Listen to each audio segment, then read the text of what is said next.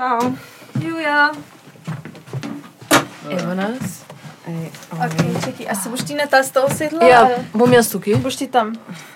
Tam le ima eno kjer. Ja, ja, ja, ja hvala, Si- si hvala. pozabila že? Ja, dobro, če ne ne vidim. Okay, um, pa brez. Ja, aha. Okay. Okay. Si? ok, v etru smo. Klubska scena je, vsaj ko gre za redne polemike o aktualnih, pogosto linearnih, primitivnih interpretacijah katerekoli veje alternativne scene, praviloma umeščena na sam dno alternativnega drevesa.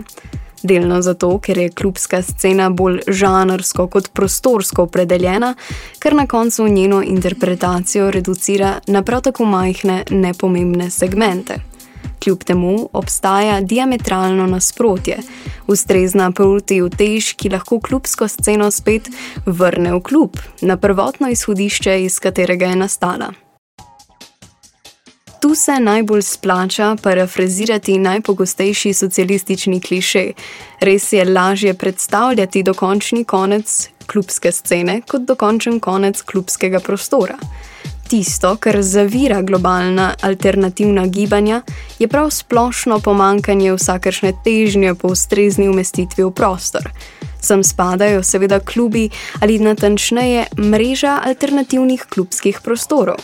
Govoriti o Boiler Roomu v Londonu, Trezorju v Berlinu ali K4 v Ljubljani pomeni iskati univerzalno izhodišče takih in drugačnih klubskih prostorov.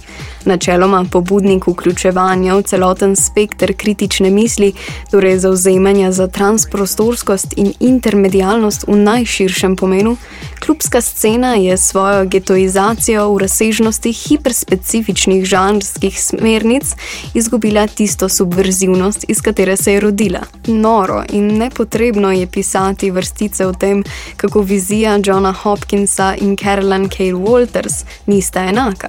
Še več, v ničemer si nista podobna. Kot tudi o napovedih morebitnega pogovora med Little Richardom in Tom Rayem. Klubski sceni lahko pripišemo hiperfiksacijo vase, ki je izjemno neproduktivna.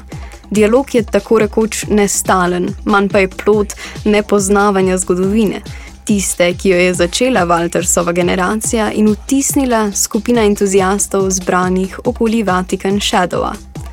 Govorimo torej o nekakšnem spektru težnje po zanikanju potrebe po prilagajanju. Subkulture, ki so tesno povezane s kitarami, trpijo za istim problemom, čeprav obstajajo dokazana odstopanja, ki dajo upanje na potencialno sinergijo. Sredi segregacije kulturnih prostorov zaradi ustvarjanja novih dobičkov, ki si jih prisvaja kulturna industrija, človek nekaj loči od svoje zavesti, predvsem svoj razredni interes. In po zapisih francoskega sociologa Piera Bourdieua je segregacija okusa vzrok za ločitev od njega. Kako torej v klube vrniti inkluzijo in subverzijo?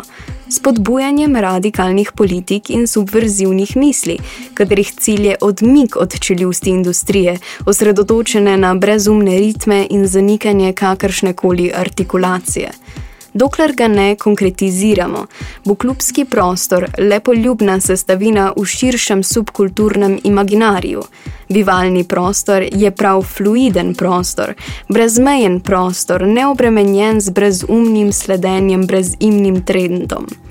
Prostor za vse, tiste, ki so v njem in tiste, ki ga še iščejo. Danes imamo prvo moško sklanjatov. Uh, špela, boš kar ti začela? Um, korak. Ok, uh, a lahko prosim kaj novega? Uh, Timi?